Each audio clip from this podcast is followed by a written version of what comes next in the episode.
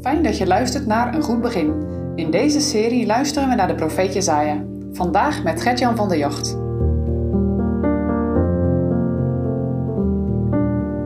Leerzaam, vind je niet? Om een Bijbelboek stukje voor stukje door te nemen. Met de behandeling van het Bijbelboek Jesaja zijn we deze week aangekomen bij hoofdstuk 31. En deze week elke dag aandacht voor iets belangrijks. Steeds een dag van. Vandaag als eerst een dag van bekering.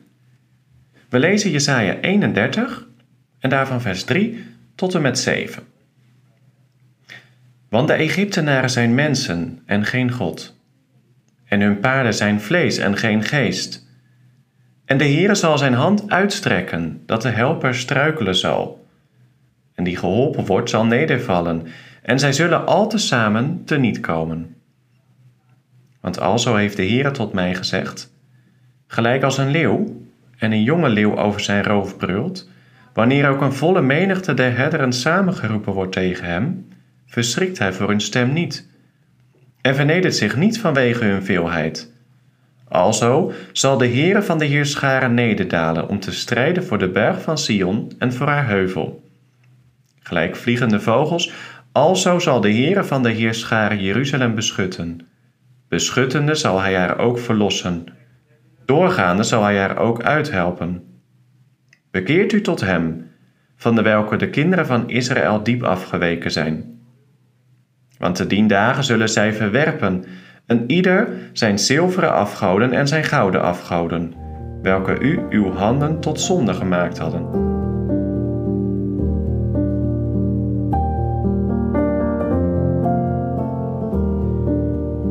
Welzalig hij die al zijn kracht en hulp alleen van u verwacht. Een regel uit Psalm 84 en je kent die vast wel. Daar verlangt Jesaja hartstochtelijk naar. Naar de dag dat Israël dat weer zal doen, vertrouwen op de Heere. Het volk van Israël is in grote verwarring. Assyrië is vast van plan om Jeruzalem te veroveren. Ja, en Israël weet het, die vijand is te machtig. Daar kunnen we niet van winnen. Maar stel nu eens dat Egypte zou helpen. Dan komt het wel goed, toch? Want met de wagens en paarden van Egypte wordt de militaire macht bedoeld. Egypte was beroemd om zijn sterke leger. Weet je wat mij opviel? Er wordt hier blind vertrouwd op Egypte. Zou dan niemand terugdenken aan die dag dat de Heer het hele leger van Egypte in de Rode Zee vernietigde? Blijkbaar niet. Ze doen alsof de Heer niet bestaat.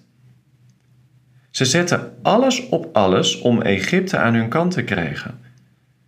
Verontwaardigd spreekt Jesaja in het vorige hoofdstuk het wee uit over iedereen die zijn hulp van Egypte verwacht. Israël zat in een moeilijke situatie en had hulp nodig. Herken jij dat?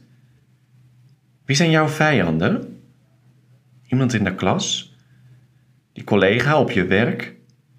Of is dat een specifieke zonde waar je steeds niet van kunt winnen? Ze zijn je steeds de baas? Op wie vertrouw jij dan? Bij wie zoek jij hulp? Is de Heer er dan bij? Is Hij de eerste voor jou?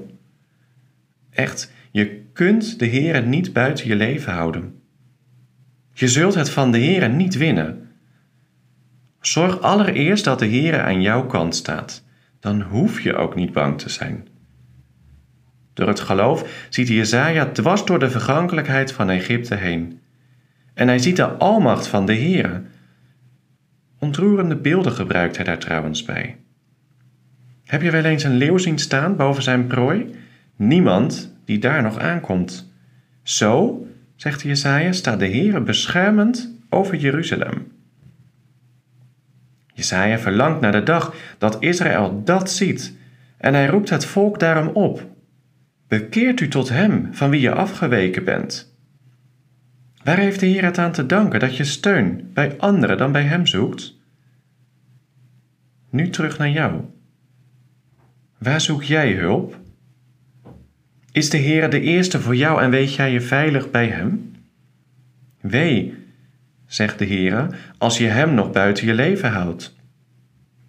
Maar ook zalig als je je hoop in het hachelijkst lot vestigt op de Heere als jouw God. Zo'n dag vergeet je niet, de dag van bekering. De Heere roept jou er vandaag toe op